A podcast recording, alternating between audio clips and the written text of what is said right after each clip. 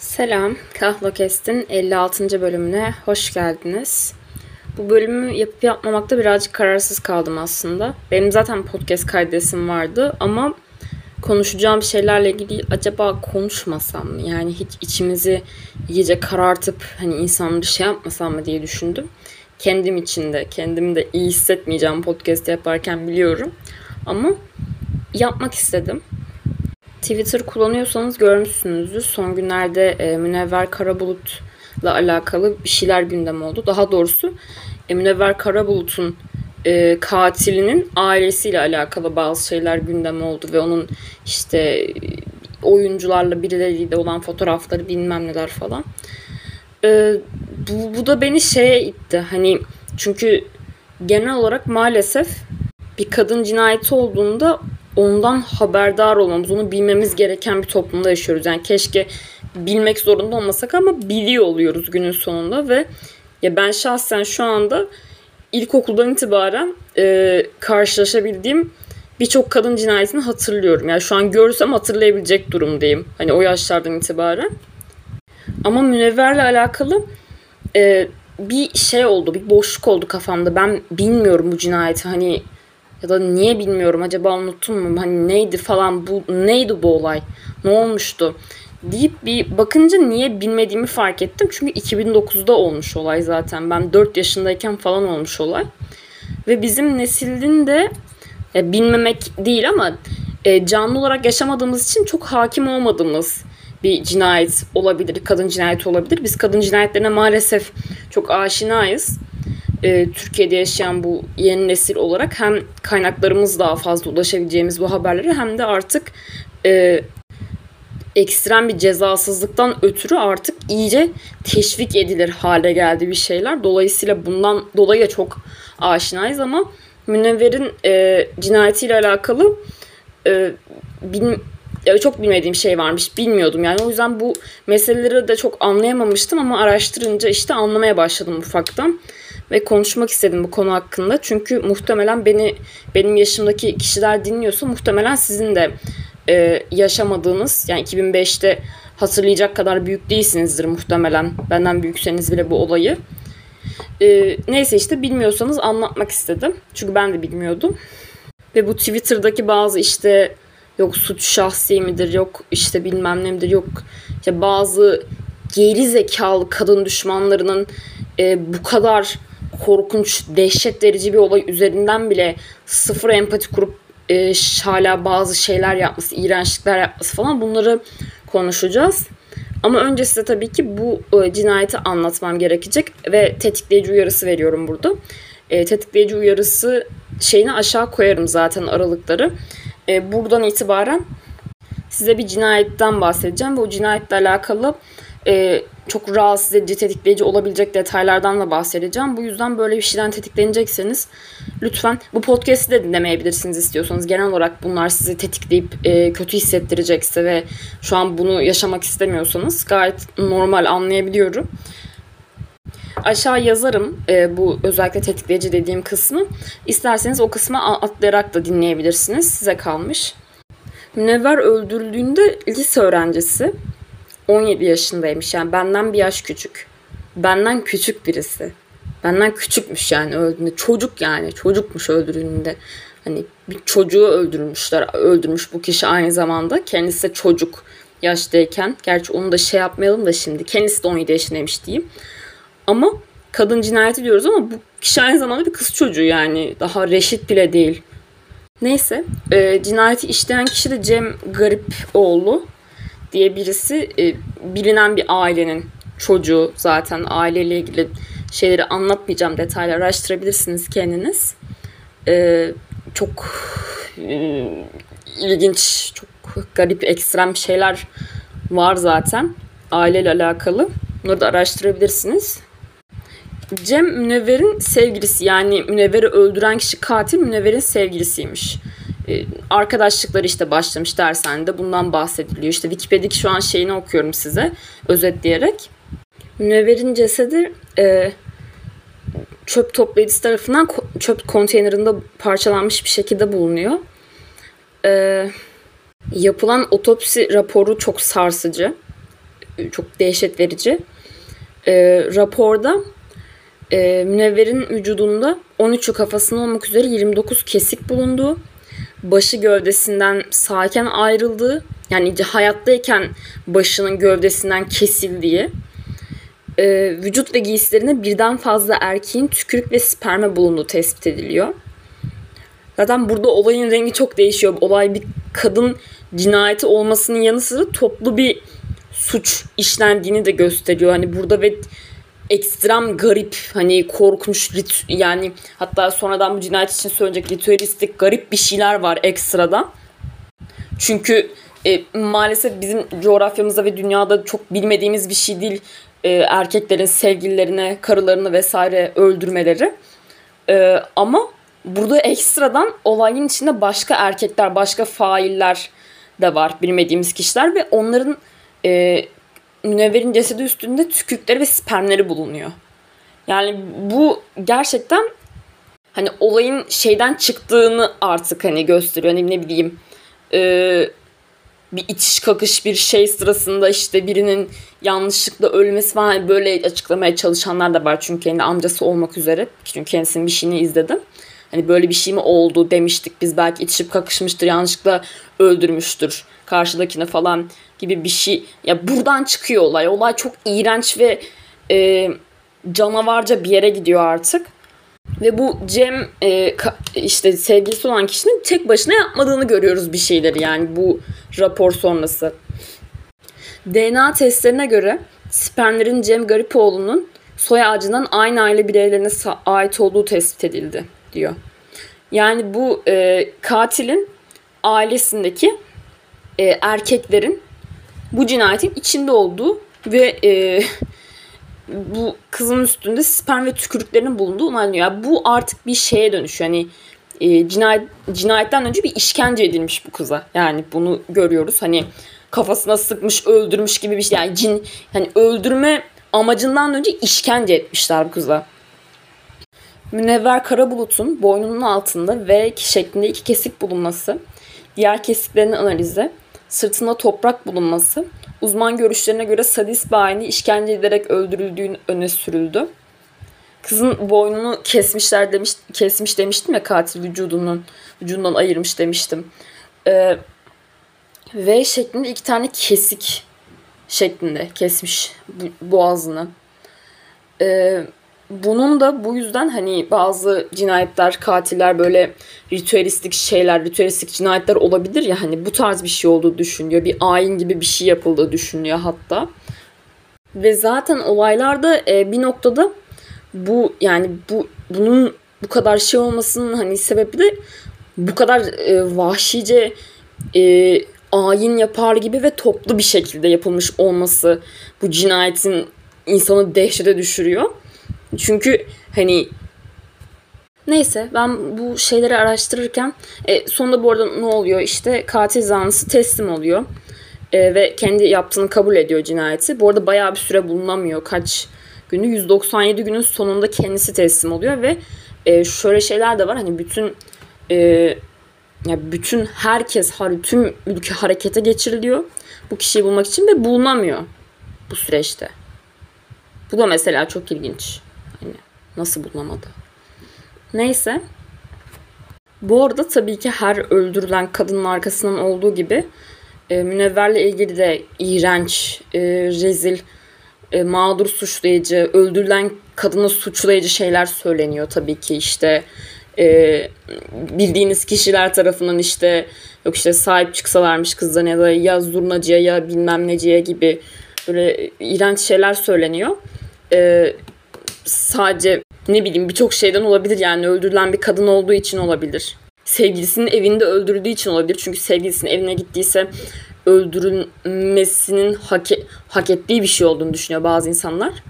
Ee, ne bileyim orada belki işte sevgilisiyle öpüştüğü için belki yani herhangi bir çoğumuzun yapabileceği normal şeyler için e, öldürülmeyi hak ettiğini düşünüyorlar kadınların ve bizim de muhtemelen hani Yani yarın öbür gün bizim de başımıza gelse bizim için de aynı şeyi söyleyecekler. Gitmeseymiş o zaman ya da işte tırnak içinde orospuluk yapmasaymış yani öpüşmeseymiş adamla işte şöyle yapmasaymış falan. Hani zaten yani kadını suçlayacak olan her türlü şey buluyor bu olayda. Çünkü bu olayın Twitter'daki yankılarının e, sonrasındaki olanlar da çok iğrençti.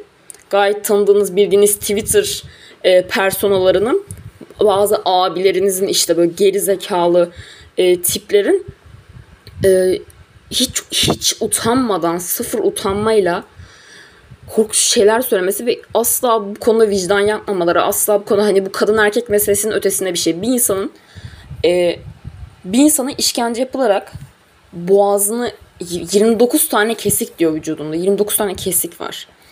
Boğazına ritüel, ritüel yaparak, ayin yaparak muhtemelen bir anlamlar yükleyerek boğazı kesilmiş, vücudundan ayrılmış, vücudu parçalanmış. Ve bu insanın üstünde sperm ve tükürük bulunmuş birden fazla kişinin. Hani bu artık kadın erkek meselesinin ötesinde bir şey olmalı değil mi? Hani şey olmalısın yani sen insel kadın düşmanı bir geri zekalı mal olsan bile hani bu seni bir dehşete düşürmeli değil mi hani çünkü bu yani bu artık insan insanlığın ötesinde canavarca bir şey hani. Ama hayır. Böyle değilmiş yani. Ben çok saf ve salak bakıyormuşum olaylara. Böyle değilmiş yani. Bu hani geri gördüğümüz işte inseller, er, kadın düşmanları bilmem neler mal fikirleri olan Twitter personaları falan bunlar yani mal ve e, salak olmanın da ötesinde gerçekten e, potansiyel katillermiş yani. Ve bu bunu öğrenmek çok korkutucu bir şey hani. Çünkü bunların bunlar bu konuda bu kadar tepkisiz, bu kadar e, normal, bu kadar sakin, bu kadar hatta e, yüzsüzce hala tırnak içinde şaka yaparak, dalga geçerek karşılayabiliyorlarsa böyle olayları e, demek ki kendileri de yapabilirler oluyorsun. Neyse. E, katil kendisi teslim oluyor. E, sonra 5 yıl sonra mı ne kendisi intihar ediyor ve intihar ettiğiyle ilgili de çok e, şaibeli şeyler var. Çünkü birçok kişi intihar ettiğini düşünmüyor. Yani intihar etti denilerek aslında kaçırıldığını düşünüyorlar hapishaneden. Çünkü çok güçlü bir ailenin, yani zengin bir ailenin ve güçlü bir ailenin, sermaye sahibi bir ailenin ve herkes üstünde gücü şeyi olan bir ailenin e, yani neler yapabileceğini biliyoruz. Hiçbirimiz geri zekalı değiliz burada. E, dolayısıyla yani olayda asla çözülmeyen, asla hakkın yerini bulmadı, asla ceza kimsenin cezasını çekmediği bir şeyler var. Çünkü o olayı o e, çocuk çocuk diyorum çünkü çocukmuş o zaman çocuk değil de çocuk demeyelim de şimdi küçültmeyelim şeyini suçunu yani çünkü ço- çocuk demeye dilim varmıyor çünkü neyse ee, bu adam tek başına yapmamış bunu. Dolayısıyla zaten onun 5 ya tek başına yapsaydı bile 5 yıl yatıp sonra intihar etti falan denilerek hani başka bir şeyler olması falan zaten suçun cezasını çektiğini anlamına gelmeyecekti ama bu işin içinde başkaları da var. O kişilere hiçbir şey olmadı. Ve hala e, inanılmaz bir yüzsüzlükle e, insanlar konuyla bildiğin dalga geçer gibi insanların acısıyla işte bu ailenin öldürülen kızın ailesinin acısıyla öldürülen kız ya bildiğim bu cinayetle dalga geçerek çok yakın kişiler e, bayağı rahat rahat yaşayabiliyorlar ya da hani cinayet malin olduğu yerdeki koltuğu bile gayet bir şekilde muhafaza edebiliyorlar ya da fotoğraf atabiliyorlar oradan gayet mutlu bir şekilde. Ve bu insanlarla irtibatlı olan kimse de cancel falan edilmiyor. Onlar da gayet hayatlarına devam edip yüzsüz yüzsüz konuşabiliyorlar hala. Yani bu nasıl bir nasıl bir şey bilmiyorum. Hani benim anlamam mümkün değil bunu. Hani ben anlayamıyorum gerçekten. Yani e, şeyi düşünüyorum yani en yakın arkadaşım mesela geri zekalıca bir şey söylediğinde bile da çok problematik, çok saldırgan bir şey söylediğinde bile insan bir şey oluyor ya yani ondan utanıyorsun bir şey oluyorsun bir düzeltme girişim bir şey oluyor ya da bir arkadaşlığı gözden geçiriyorsun kafanı ama yani hani ya hani nasıl nasıl ya? Nasıl göz yumabilirsin buna ya? Hani oluyorum. Yani nasıl bu kadar rahat olabiliyorlar? Vicdanları nasıl bu kadar rahat duruyor? Tamam cezasızlık var, adaletsizlik var okey ama insanın hiç mi uykusu kaçmaz ya? Cevabı olmayan sorular soruyorum. Her e, böyle bir şey duyduğumuzda işte biz aşağı yukarı normal insanların soracağı gibi, düşüneceği gibi ama hiçbir cevabı yok bu soruları sormanın ve hiçbir anlamı da yok yani. O yüzden geçelim bu kısımda. Ee, şimdi amcasının ben e, 32. 32. gündeki bir konuşmasını gördüm. 40 dakikalık bir şey ve oturdum izledim merak ettiğim için. Ve bu arada cinayet daha çok tazeyken yani 2009'da şey yapılmış bir şey ve e, katil işte olan kişi hala kayıpken e, şey yapılmış bu röportaj yapılmış. Katil olan kişinin amcası ünlü bir iş adamı konuşuyor. Ne anlatıyor diye gerçekten merak edip dinledim. Ve yani baştan aşağı hani fail yani baştan aşağı aşırı kötü bir konuşma yani.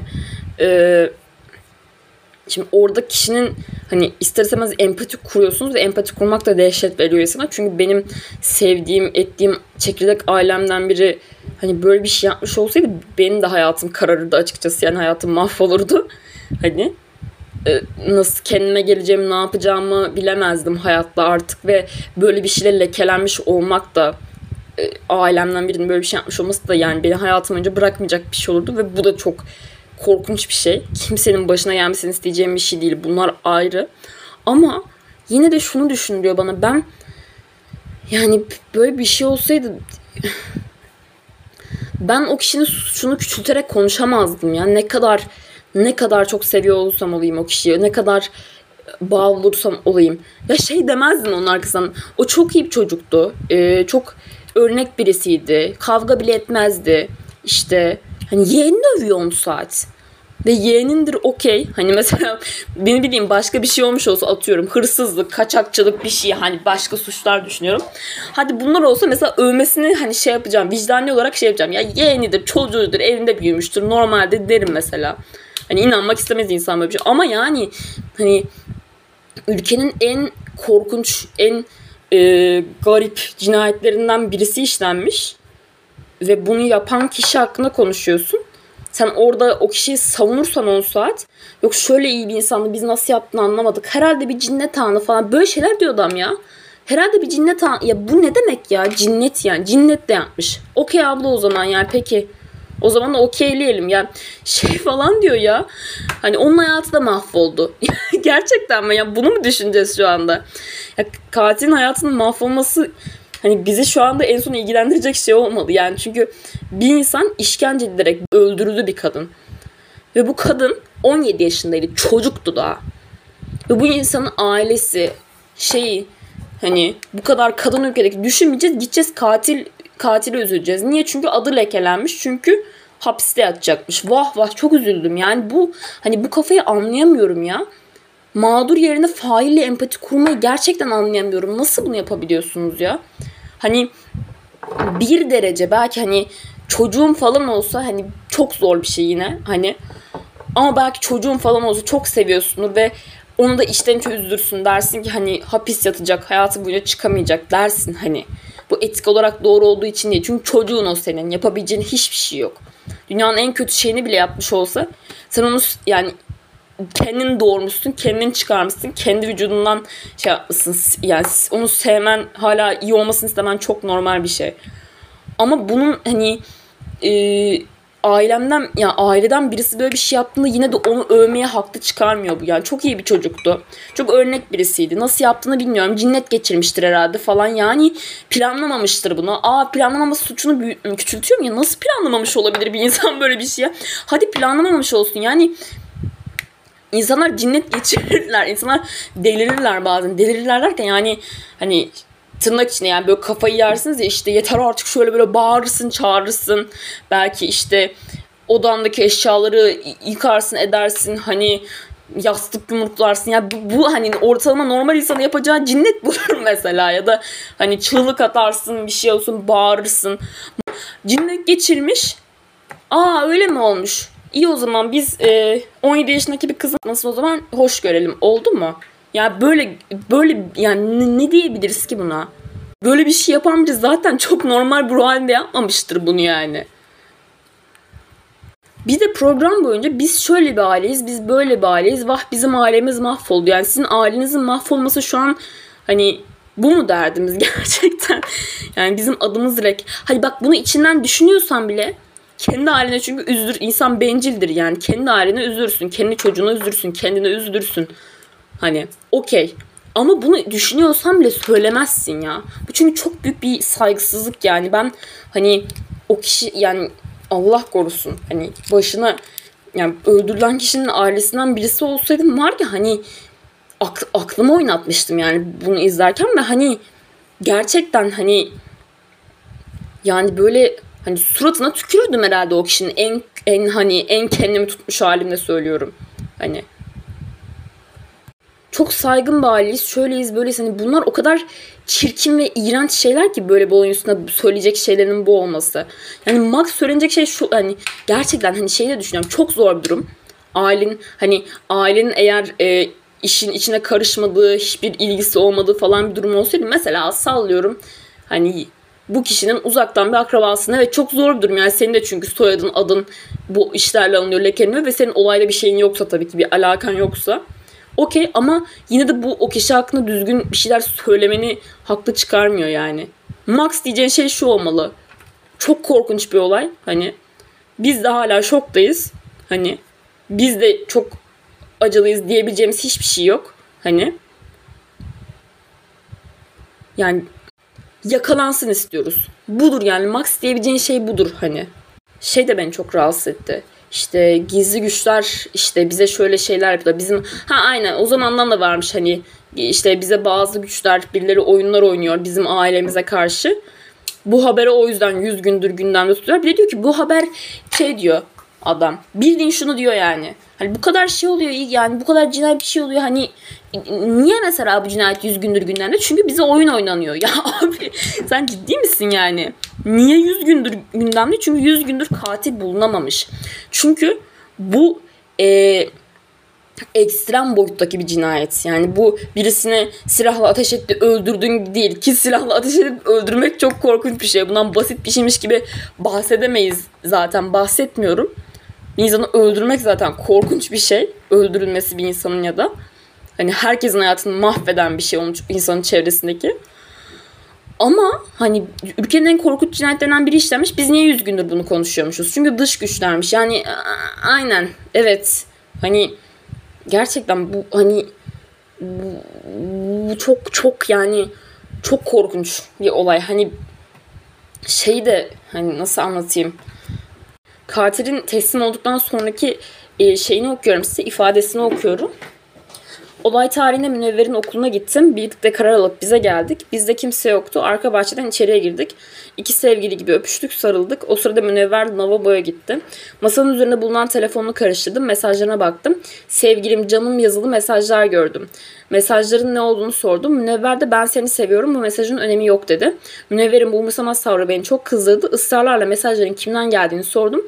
Sen benim babam mısın soruyorsun dedi. Tartışma çıktı. Münevver'i çok sevdiğim için deliye döndüm cinnet mi geçirdim hatırlamıyorum. Kendime geldim münevveri ölü buldum. Yani bundan bahsediyordum. Yani sen ya cinnet geçirmiştir herhalde falan dersen yani bu cinayeti işleyen herif de çıkar der ki cinnet getirmiştim hatırlamıyorum der. Yani bundan bahsediyorum. Neyse. Masanın üzerinde bıçakla vücuduna vurduğumu tahmin ediyorum. Aynen. Masanın üzerindeki bıçakla vücuduna vurduğumu tahmin ediyorum. Yapmış olabilirim herhalde. Evet. Münevver'i cansız görünce kendimi de öldürmek istedim ancak yapmadım. Yani bir şey söyleyeyim mi? Hani benim kişisel fikrim bu. Bence bu ko- kocaman bir yalan yani. Çünkü hani bizde maalesef bu tırnak içinde aşk cinayeti işte kıskançlık cinayeti falan bu tarz şeyler ma- maalesef bir şeyleri birilerinin gözünde meşru kılıyor. Hani bu bu haber başlığı bile yani mesela şöyle bir haber başlığı bile aşk cinayeti mesela meşru kılıyor. Çünkü niye aşk için cinayet işlemiş? Yani böyle bir şey yok. Cinayet yani o. Aşk için cinayet işlemez insanlar. Hepimiz seviyoruz birine aşık oluyoruz, kıskanıyoruz, sinirleniyoruz, kavga ediyoruz. Gidip insanları öldürmüyoruz yani. Bu başka bir şey. Bu cinayet, bu vahşet, bu işkence. Hani o yüzden ben böyle şeylerin çok bir de yani şey Bir de böyle çok korkunç cinayet, kadın cinayetleri işlendiğinde genelde failler e, sonradan işte o kişiye böyle iftira atarak şey yapmaya çalışıyor. İşte zaten beni aldatıyordu, şöyleydi, böyleydi ki bunlar doğru da olabilir. Yine bu hakta çıkarmıyor bir şey ama maalesef adalet sistemimizdeki bazı açıklardan ve insanların kafasındaki bazı pis düşüncelerden ötürü bu şekilde biraz daha az suçlu yapabileceklerine inanıyorlar kendilerine ve oluyor da. Ee, o yüzden karşı tarafı yani öldürülen kişiye çamur atmaya başlıyorlar bu kadınlara. O yüzden ben bu, bu, bu şeylerin asla hani böyle bir şey dediğine itibar edilmesi gerektiğini düşünmüyorum ki diyelim ki doğruydu. Yani bir insan arkadaşıyla bile canım, bir tanem, bebeğim, aşkım, sevgilim falan diye konuşuyor olabilir. Ha bundan hoşlanmamasını dersin ki abi bu ne yani? yani sevgi arkadaşınla böyle konuşmadan hoşlanmadım dersin. Konuşursun bunu. Hadi max yani. Bunları görüp olay çıkartıyorsun. O da diyor ki ben seni seviyorum. Mesajın önemi yok diyor. Umursamaz sabrı beni çok kızdırdı. Ee, sonra kimin gel kim, o da kimden geldiğini darlayınca kızı kız da diyor ki sen benim babam mısın soruyorsun. Gayet hani haklı bir tepki yani. Ki böyle bir şeyle hani bu konuda şey yapamıyorsanız ayrılın yani değil mi? Hani mesela ya da ne bileyim bu kadar seviyorsam hani güvenirsin ona. Belki de hani dersin ki arkadaşıyla konuşuyordur abi ne var hani. Ya bu şey ya hayır ben bunu daha fazla şey yapmayacağım ya bu denilen doğruymuş gibi değerlendirmeyeceğim ama denilenin doğru olduğu şeyde de bunun bir meşruluğu yok yani. Cinnet geçirdim, kıskandım. Ee, sevgilim diye birisiyle konuşuyordu. O yüzden bu benim e, o kişinin yapmam için bir e, bahanedir. Böyle bir şey yok yani. Neyse bu meseleyi de bu şekilde kapatmak istiyorum. Belki bilmiyorsunuzdur. Twitter'da görmüşsünüzdür. Ee, dediğim gibi benim jenerasyondaysanız çok yaşamış bilmiş olma ihtimaliniz yok. Çünkü 2009'da olmuş bu olay. Ee, ama yani bir şey değişmedi o günden bugüne. Hani benzer aynı şeyler oluyor yani hala ve hala bir şey değişmiyor. O yüzden ben bu konuyla ilgili daha fazla bir şey diyemeyeceğim yani. Aynı şeyleri yaşıyoruz. Hiçbir şey değişmiyor. Elimizden de hiçbir şey gelmiyor. Bu kadar yani. Ee, şimdi birazcık aslında burada bitirsem diye düşündüm. Çünkü kötü hissettim gerçekten kendimi ama yani e, benim bu olayla ilgili tetiklenmemi sağlayan şeyleri hatırladım. Twitter'daki SS'leri. Onlara biraz size şey yapacağım. Şimdi e, bu olay olmuş. Bu olay olduktan sonra da tabii ki biz o zaman yine hayatta değildik muhtemelen ya da internet kullanabilecek yaşta değildik. Ama Twitter'da bunların e, tabii ki şükürler olsun ki internet diye bir şey var, arşiv diye bir şey var. İnsanların yaptıklarını kolayca görebiliyoruz geçmişte. Ya da herkes artık yediği boktan öyle hemen kaçamıyor.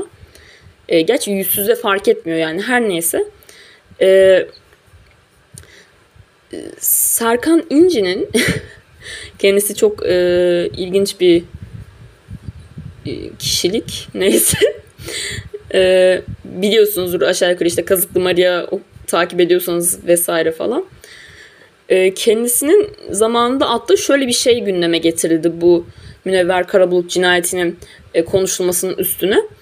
E, şöyle bir şey yazmış kendisi e, Cem Garipoğlu'nun sözü olarak şöyle bir şey yazmış. Cem Garipoğlu da Münevver Karabulut'u öldüren kişi, katil yani. Kadınlar ikiye ayrılır. Böyle bir tweet atmış Serkan İnce. Ve bu da unutulmasın diye birisi işte tweetini atan Serkan İnce de unutulmasın gibi bir şey paylaşmış. Yani Serkan İnce de bunu alıntılayıp hatırlattığınız iyi oldu feminaziler. Zaman ötesinde bir mizah anlayışım varmış. 10 yıl geçmiş hala yaklaşan olmadı yazmış. Buna mizah diyebilmek gerçekten yani kadınların, e, bütün öldürülen kadınların cesedinin üstüne tükürmekle aynı şey bir kere. Ve e, kadınların cesetlerinin üstüne tükürenler kim? Az önce anlattıklarımdan biliyorsunuzdur. Yani bu benim için hani e, aynı şey. Ve e, zaman ötesindeki bir mizah anlayışı yani ben buna ne diyeceğimi bilemiyorum. Bu ucubeliye, bu e, utanmazlığa, bu kötülüğe ne diyeceğimi bilmiyorum. Çünkü bu gerçekten kötülük artık. Bu hani hakaret edebileceğim bir şey değil. Hani insanları çünkü şey salak mal bilmem ne diyoruz ama bu kötülük yani dümdüz. Ve birisi alıntılayıp bunu e, şerefsiz, haysiyetsiz, iğrenç bir insansın. Acılar içinde gebermeni diliyorum. İnsanda az utanma olur. İnsan değilsiniz, değilsiniz ki siz yazmış. Bunu da alıntılayıp e, sevgili e, beyefendi isim vermeyi bırakıyorum farkındaysanız bir noktadan sonra çünkü e, şey uğraşmak istemiyorum bu kişilerle neyse. Ben kimsenin e, bu kişi de şöyle almış. Ben kimsenin ölmesini gebermesini dilemiyorum. Felaket yaşayanları da hüzünle anıyor ve empati duyuyorum. Gerçekten mi kanka? Yani yani ben mesela ve benim cinayetim hani asla çözülememiş ve faillerim cezalandırılmamış olsaydı benim üstümden katilimin e, söylediği böyle iğrenç bir şeyi ya da söylediğini varsaydın mizah adı altında bunu yaptın iğrenç bir şeyi tweetlesem benim açıkçası yani hoşuma gitmezdi. Nerenle empati yaptın acaba? Hüzünle anlıyor musun ya? Gerçekten samimi misin? O kadar üzülmüyorsunuz ki, o kadar umurunuzda değil ki, o kadar empati yapmıyorsunuz ki, empati yapamıyorsunuz. Bu böyle bir şey de bile yapamıyorsunuz ki bunda hani dedim ya ben yine saf safoz ben şey bekliyorum hani ne kadar bir insan kadın düşmanı işte mal fikirleri olursa olsun, insel olursa olsun işte başka kişiler için de konuşuyorum. Şey için demiyorum. Serkan demiyorum bu arada. Başka kişileri de diyorum. Hani insan ne kadar böyle olursa olsun yani böyle bir şey görünce üzülür herhalde. Bir konuş hani bir, bir şey demez herhalde falan diye düşünüyorsun. Ama öyle değil. Neyse tweetin devamını okuyorum. E, felaket yaşayanları da hüzünlü anıyor. Empati diyorum. Burada felaket yaşayanları sanki şey oldu. Tren kazası oldu ya da hortum oldu ya da sel oldu bir şey oldu yani. Bu sanki sistematik bir şey değilmiş gibi. Sanki erkek şiddeti, kadın cinayetleri yokmuş gibi. Felaket. Aynen kanka. Şöyle demiş. Benim yaptığım sarkazm acıdan yani götümle güldüm burada artık. Yani çünkü burada koptu artık. Benim yaptığım sarkazm acı olayı gündeme getirmeye, durumun vehametini hatırlatmaya yönelik bir sanat olarak görülür. Sizin tehdit ve temelleriniz ise psikopatlıktır. Ha biz psikopatız. Okey kanka. Okey kanka. Asla birinin sevgilisinin boğazını katilin e, ağzından kadınlar ikiye ayrılır. Kadınlar ikiye parçalanır yani demek. Tweet atmak asla psikopatlık değildir. Biz psikopatız kanka aynen bence de. Burada sarkazm neymiş bir tanımına bakalım. Zaten yani buradan da şeye falan çıkacağız herhalde. Özne konumu. Burada 500. kere özne konumu anlatacağım. Özne konumu nedir ki özne konumu yani şey demek değildir. Bir insanın bir katilim bir insanın bedenini parçalara ayrılmış bir katilim e, şeyini yazıp böyle ismi yazıp işte e, kadınlar ikiye ayrılır. Yani ikiye parçalanır demek değildir sarkazmın. Komik bir tarafı da yok. Sarkazm neymiş? Okuyalım, öğrenelim. İğneleme veya alaycılık genellikle biriyle alay etmek veya sinirlendirmek amacıyla hicivli kullanan hicivli ifadedir. Mesela yani mesela Seyfi Dursunoğlu'nun yaptıklarını işte böyle seyirciye sataşmasını bilmem neyi hani hepsinin çok tabii ki yani bugünkü şeyle baktığımızda hani etik vesaire olduğunu düşünmeyebiliriz ama bu mesela bir şov değil mi? Bu mesela sarkazm, iğneleme, alay etme, alayla şey yapma, mizah yapma, hiciv yapma. Budur mesela. hani sarkazm birinin öldürülmesi üzerinden hani ka- kadının bedenini de parçalara ayırmışlar. Kadınlar o yüzden ikiye ayrılır. Keh keh demek değildir. Böyle tweet atmak değildir. Sarkazm yapmak. Ayrıca hadi bak her şeye geçiyorum. Bak bu şaka olsun sarkazm olsun tamam mı? Her şeye geçiyorum. Buraları geçtik diyelim. Ee, ki bu arada bence yanlış tanım kullanmış. Bence orada ofansif mizah demeye çalışıyordu kendisi ama onu bile bilemediği için sarkazm demeyi tercih etmiş. Sarkazm bu değil bir kere. Ofansif mizah yaptığını zannetmiş bence. Ofansif mizah diye değiştirelim o yüzden. Hadi bunun mizah olduğunu ve ofansif mizah olduğunu farz edelim. Hadi öyle olsun. Ofansif mizah yapmanın bir usulü vardır. Ofansif mizah insanların acıları, e, yaşanan vahşetler, e, iğrençlikler üzerinden bir şey ortaya atıp keh keh keh diye gülmek değildir mizah. Ya da ofansif mizah. Bununla alakalı Vervelerent'te bir çok güzel bir yazı var. Zamanında paylaşmıştım. Ee, ofansif mizahın bedelini kim öder diye bir yazı. Burada ofansif mizah hakkında çok güzel e, sorular sorup çok güzel e, tartışmalar başlatılmak istenmiş ve çok beğenmiştim bu yazıyı. O yüzden bazı alıntılar yapacağım size buradan. Ve şunu söylemek istiyorum. Bu, bu yazıya da geçmeden önce ofansif mizah yapılacaksa bu ofansif mizah kimin yaptığı da önemli. Yani mesela özne konumu deyip duruyoruz ya mesela. Bir insan bir şeyden acı çekmişse yani bu etnik grubundan, cinsiyetinden, cinsel öneminden, cinsel kimliğinden herhangi bir şeyden ötürü kitlesel olarak o insan bu şeyden acı çekiyorsa ve o insanın önceki o şeye sahip olan kişiler de çekmişlerse bunun üzerinden sen şaka yapıyorsan sen bir sorumluluk alıyorsun demektir. Yani senin o insanın acısını arttırmıyor olman lazım. Bu ofansif mizah yapmak da ayrıca hani sen e, bu özne değilsen bu insanın acısını arttırmaman lazım senin. Ve dediğin gibi hani eğer konuya dikkat çekmek falansa amacın ki yazılan şeyde hiç öyle bir şey yok. Kadınlar ikiye ayrılır. Ne demek? Kadınlar parçalanır. Kadınlar e, öldürülür. Kadınlar e, yani bu, bu demek. Hani bu, bunu bunun şey yapan bir yanı yok. Olayın vehametini anlatan, olayı e, olayı yaşayanları ya da işte yaşayabilecek özneleri, kadınları e, acısını azaltan e, vesaire bir şey yok bu yapılanda. Dolayısıyla bu ofansif mizah değil. Zaten şey hiç değil. Sarkazm hiç değil zaten. O ayrı bir mesele. Her neyse. Bu yazıdan bazı alıntılar yapacağım. Yazıya e, Fatma Gül e, Fatma Gül'ün suçun edisiyle ilgili bir şeyler yaparak girilmişti. Fatma Gül'ün suçun edisi konusunu bilmiyorsanız e, dört erkek tarafından tecavüze uğrayan bir kadının e, hak mücadelesiyle alakalı şeyler sunuyor. Yani onun üzerinden bir, bu yazıya konu olmuş. E, okuyorum şimdi size. Tam da böyle bir dönemde Ankara gücü futbol takımı taraftarlarının yazdığı bir marş futbol statlarını yankılanmaya başlandı. Bu arada bu stand, e, bu marş çok tetikleyici olabilir insanlar için. E, uyarıyorum şimdiden. Hapı attık, patlattık, Fatma Gül'e rastladık. Fatma Gül'ün suçu yok. Biz onu Bihter sandık. Marş bu. Marş aynı oyuncunun canlandırdığı iki farklı karakterden yani Beren Saat'in canlandırdığı iki farklı karakter. Biri Fatma Gül, biri de Aşkı Memnu dizisindeki çok bilinen bir dizi yine. Aynı oyuncunun canlandırdığı iki farklı karakterden birinin masumiyetini kutsarken yani Fatma Gül'ün masumiyetini kutsarken diğerine cinsel şiddeti reva görüyor. Dizinin isminde saklı olan soruya da cevap veriyordu. Fatma Gül'ün suçu yoktu. Suç kocasını yeğeniyle aldatan Bihter'e aitti. Bihter'e tecavüz edilebilirdi. O zaman bir sorun olmazdı. Mesela bu ofansif mizah mıdır? Hani çünkü buna da o dönem yani duyar kasıyorsunuz ofansif mizah işte amına koyayım falan diyecekler vardır. Ki okumaya devam ediyorum. Hatırlaması bile acı veren bu marşı oldukça fazla tepki gösterildi. Taraftar grubu marşın sadece bir şaka olduğunu savunmasına sarılarak bu tepkilere yanıt verdi. Öyle ya mizahın izahı olmazdı. Hatta başka taraftar grupları bu marşı oldukça yaratıcı bulup yaratıcılıklarını tebrik etmişlerdi. Cinsel şiddete yükselen itirazı kamusal alana taşıyan tartışmalar besbelli ki marşın sahibi Ankara gücü taraflarının teğet geçmişti. Hiçbiri mizah uğruna cinsel şiddet faili addedilmekten bile çekinmemişti. Yani hiçbiri mizah yapacağız diye hani tecavüzcü damgası yemekten bile çekinmemişti. Yıllar sonra tecavüzcü addedilmeyi tercih etmenin kolaylığı ve rahatlığı bir başka ünlü tarafından sahiplenilmişti. Burada da şeyden bahsediyor. Alişan'ın e, işte gay rolünü unutturmak için e, tecavüz sahnesi çekmeliyim falan dizide diye düşünmüş diye bir şey söylemişti. Onu koymuşlar. Yazıdan devam ediyorum.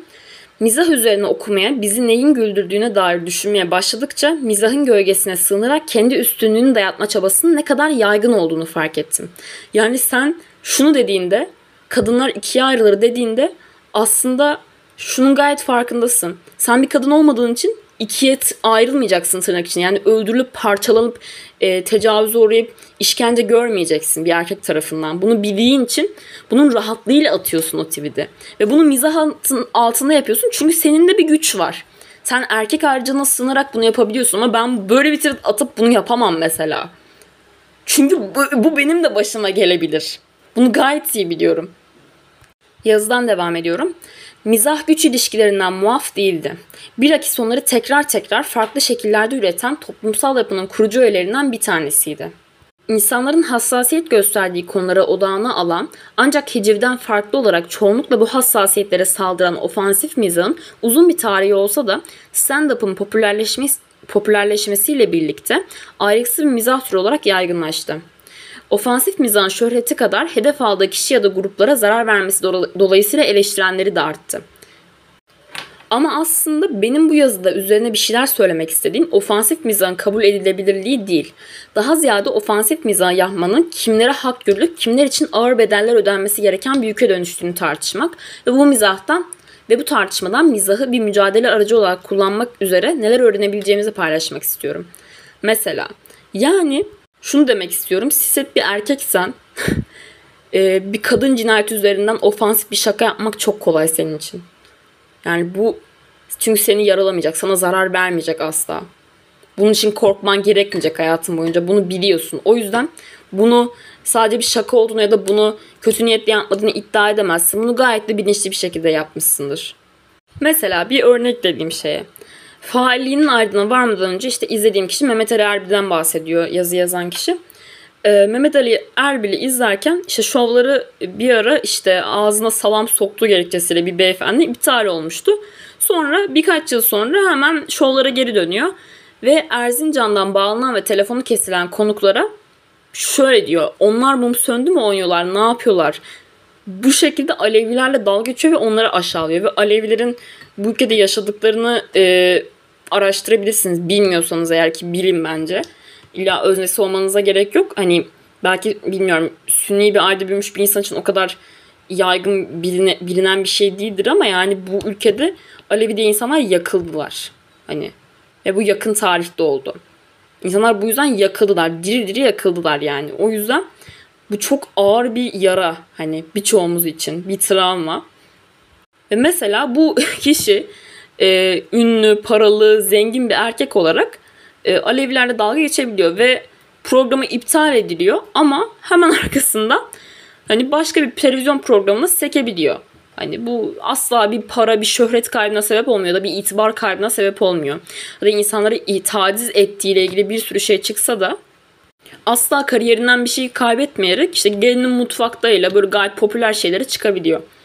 Şimdi mesela işte bu failliği falan geçtiğimiz noktada işte mum söndü mü oynuyorlardır ıttır zıttır falan ya da birinin ağzına sos, zorla salam sokmak gibi e, bunları da mesela tırnak içinde ofansif mizahmış gibi alalım hadi. Hani bu adamın kariyerine hiçbir şeyine, parasına, puluna hiçbir şey olmazken ya da itibar olarak hiçbir kayıp yaşamazken başka bir örnek mesela bir haberde röportaj esnasında vatandaşa uzan, uzatılan mikrofon ekonomideki kötü gidişatın faturasını Suriyeli göçmenleri şu sözlerle kesiyordu. Sen burada kiracısın, biz burada ev sahibiyiz, sen benden daha rahat yaşıyorsun. Ben muz yiyemiyorum, kilolarla muz alıyorsunuz pazardan. Bir ekonomiden e, şey yapıldığı bir şeyde bir vatandaş Suriyeli bir göçmene böyle bir şey söylüyor. Uzun süredir yolunda gitmeyen her şeyin sebebi zaten Suriyelilerden biliniyor. Mülteci ve göçmen düşmanlığının körüklenerek artması sonucu başta Suriyeli göçmenler olmak üzere pek çok mülteci ve sığınmacı Türkiye'nin dört yanından incedir saldırıya uğruyor. Böyle bir iklimde muz mahrumiyetinden de Suriyeli suçlu bulan sokak röportajı alaya almak TikTok kullanan bazı Suriyelilerin seçimi oldu. Türkiye'de yaşayan Suriyeli göçmenlerin mevzu bahis röportajının sesini kullanarak muz dediği TikTok videoları ufak çaplı bir akıma dönüştü e, Orient TV muhabiri Majet Shama'nın haberleştirmesiyle akımın bilin, bilinirliği arttı. Shama hazırladığı video haberde marketten muz çalıp kaçarken görülüyordu. Mehmet Ali Erbil'in ne zorla salam yedirmesi ne de Alevilere hakaret etmesi ya da Aleviler hakkında şey diyelim ofansif mizah diyelim birilerinin sevdiği bir deyimle e, onun ekranlardaki gücünü azaltmamışken Suriyelilerin başlattığı muz yeme akımı günler içinde onların yaşam hakkını tehdit eder hale geldi. İyi Partili İlay Aksu'nun Şaman'ın haberini sosyal medyada hedef göstermesinin ardından İstanbul'un çeşitli semtlerinde yaşayan 11 Suriyeli polisin yaptığı operasyona gözaltına alındı. 7'si halkı kim ve düşmanlığa tahrik etmek ve aşağılama suçundan yasal işlem yapılarak göç idaresine gönderildi. Operasyonlar sadece İzmir'de, İstanbul'da değil İzmir'de de yapıldı. Gaziantep'te de geri gönderme merkezlerine yollandı ve sınır dışı edilme tehlikesiyle karşı karşıya. Türkiye'nin Türklerin yoksulluğu ile dalga geçtikleri söylenen Suriyeliler ise bugünlerde marketlerden muz almaya korktuklarını dile getiriyorlar. Şimdi devam ediyorum okumaya. Avukatı hem Esad'a hem gönderilmesi planlanan yer olan İblit'te Tahrir, Tahrir el Şam'a muhalif olan Şama'nın sınır dışı edilmesi halinde infaz edilebileceğini açıkladı. Şama ise olaylar üzerine şunları söyledi. Ben içinde mizahın olduğu programlar yapıyorum ve amacım insanları güldürmek. Gazetecilik yaparken insanları güldürmek ve düşünürmek benim işimin bir parçası. Gerçekten Türkiye halkını aşağılamış olsam hak ederdim ama ben burada gazetecilik yaptım. Şimdi Ofansif mizah toplumda dile getirilmeye korkulan, tabu sayılan, konuşulması güç meseleleri ve o meselelerin öznelerini hedef alırken çoğu zaman hedef alınan grup ya da kimliklerin toplumsal konumuna saldırıyor. Bu saldırının hedefinde yani buradaki mesela benim ilk baştaki örnekteki gibi kadınlarla alakalı mesela çok hani hani kadınların öldürülmesiyle, işkence görmesiyle, parçalara ayrılmasıyla alakalı mesela. Değil mi? Tırnak içinde bu ofansif mizah. Bu saldırının hedefinde yer alan sahip olduğu ayrıcalıklar onun gücünü korumasına yer yer pekiştirmesine bile vesile olabiliyor. Kanımca Mehmet Ali Erbil'in salam yedirmesinin bir televizyon kazasından ibaret kalması bu ülkede geçerli akçe olan tüm kimliklere aynı anda sahip olması ile ilgili. Toplumsal güç ilişkileri bağlamında dezavantajlı konumda olan kişi ya da topluluklar ofansif mizahın nesnesi olmak yerine ofansif mizahı kullanan özel olmayı da tercih edebiliyor. Bizim işte mesela Suriyelilerle ilgili verdiği örnekteki gibi. Burada Suriyelileri hani tamam şey yapmıyor olabilirsiniz, desteklemiyor olabilirsiniz belki ülkedeki bu göç şeyini. Okey. Ama bu göçmen düşmanlığına sevk etmemeli. Yani bu konuda bence biraz kendinizi hani öz eleştiri yapmamız lazım hepimizin. Çünkü gerçekten şu an büyüyen bir göçmen nefreti var. Bunu hani azınlık e, olarak yaşamış insanlar belki daha iyi anlayacaktır ama Türk ayrıcalığında olan insanların anlamakta bir tık zorlandığını görebiliyorum. Anlamıyorlar çünkü gerçekten. Çünkü hiç ötekileştirilmemişler bu konuda hani ve bilmiyorlar ama işte Alevi olan, Kürt olan vesaire insanların hani zaten bu konuda yıllarca bunun acı çektikleri için e, bir tık daha empati kurmaya hani elverişli olduğunu düşünüyorum bu konuyla alakalı. O yüzden bence hepimizin bu konuda bir öz eleştiri yapması lazım. Yani e, bu göç politikalarını beğenmiyorsunuz diye ya da bazı e, yerler tarafından mülteci düşmanlığı pompalanıyor diye ya da suçu mültecilere yıkmak çok kolay geldiği için e, kendinizi bu şeye teslim etmeyin yani. Çok kolay bir şey nefret etmek. Okey. Tamam. Yanlış şeyler yok mu? Var. Yapılan suç yok mu? Var. Hani Suriyeli kişilerin işlediği suçlar ya da oradan e, değil de mesela Afganistan'dan gelen ya da Taliban e, zihniyetinde kaçıp gelen kişilerin işlediği suçlar yok mu? Var. Okey. Bunlar okey. Tamam mı? Ama sizin nefretiniz hiçbir zaman gidip o kişileri bulmayacak. O kişilere ulaşmayacak. Sizin nefretiniz gidip alakasız, gariban, ayrıcalıksız kişileri bulacak ve onların belki de yaşamına mal olacak. Bunu Hatay depreminde bile gördük yani o bölgedeki kişilerin yabancı diye ayrıştırılan kişilerin, dövülen kişilerin, işte oraya giden ürkücü, e, iğrenç, katil, manyak grupların yaptıklarını oradaki halka, Arapça konuşuyor diye dövülen bir kadının oranın yerli şey olması çünkü Hatay orası. Yani orada birçok dil konuşan insan var. Oranın yerlerinin bile yaşadıkları falan. Hani nelere sebep olduğunu biliyoruz. O yüzden lütfen birazcık elinizi vicdanınıza koyup bu oyuna gelmeyin. Çünkü sizin birilerinden nefret etmeniz birilerinin işine geliyor açıkçası. Neyse okumaya devam ediyorum. Toplumsal güç ilişkileri bağlamında dezavantajlı konumda olan kişi ya da topluluklar ofansif mizahın nesnesi olmak yerine e, ofansif mizahı kullanan özneler olmayı tercih edebiliyorlar. Yani edilgen değil etken olmayı tercih edebiliyorlar bunda. Fakat öke, ötekiler bir başkasının elinde oyuncak olan ofansif mizahı bir güldürme tekniği olarak kullandıklarında bunun bedelini çok ağır ödüyor. Kendilerine oluk oluk akan nefretle muz yiyerek dalga geçen Suriyelilerin sınır dışı edilmesi ihtimali bunun en çarpıcı örneklerinden. Yani şu çok önemli bir şey. Mesela şu an aklıma geldi. Ee, Beyaz Ekranın Ardından diye bir belgesel vardı Netflix'te. Sanırım orada geçiyordu. Ee, trans kişilerle alakalı ve transların sinemadaki yolculuğuyla alakalı bir belgeseldi ve çok güzel belgesel. İzleyin bu arada mutlaka. Orada geçiyordu galiba. Yani şu çok önemli bir, nok- bir nokta diyordu birisi. Bize mi gül- bizimle mi gülüyorsunuz yoksa bize mi gülüyorsunuz? Yani bu gerçekten çok güzel bir cümle. Bizimle mi gülüyorsunuz, bize mi gülüyorsunuz? Bizimle mi birlikte acı çekiyorsunuz veya bundan rahatsızsınız yoksa bizim acımızda dalga mı geçiyorsunuz? Bu çok önemli bir nokta. Neyse yazının devamını da okumayacağım. Boğazım yetmeyecek buna. Siz girip kendiniz okursunuz. Ben aşağı linki vesaire bırakırım. Zaten bir saate yaklaşmış. Çok hoş şeylerden konuşmadık. Biraz hatta dehşet verici, e, korkunç şeylerden konuştuk. Bunlar bizim gerçekliğimiz maalesef. Bunları konuşmamız gerekiyor. Ee, yine de ben sizi öpüyorum, seviyorum. Daha mutlu, daha güzel şeyler konuşacağımız iyi, keyifli podcastlerde görüşmek üzere. Hoşçakalın. Bay bay.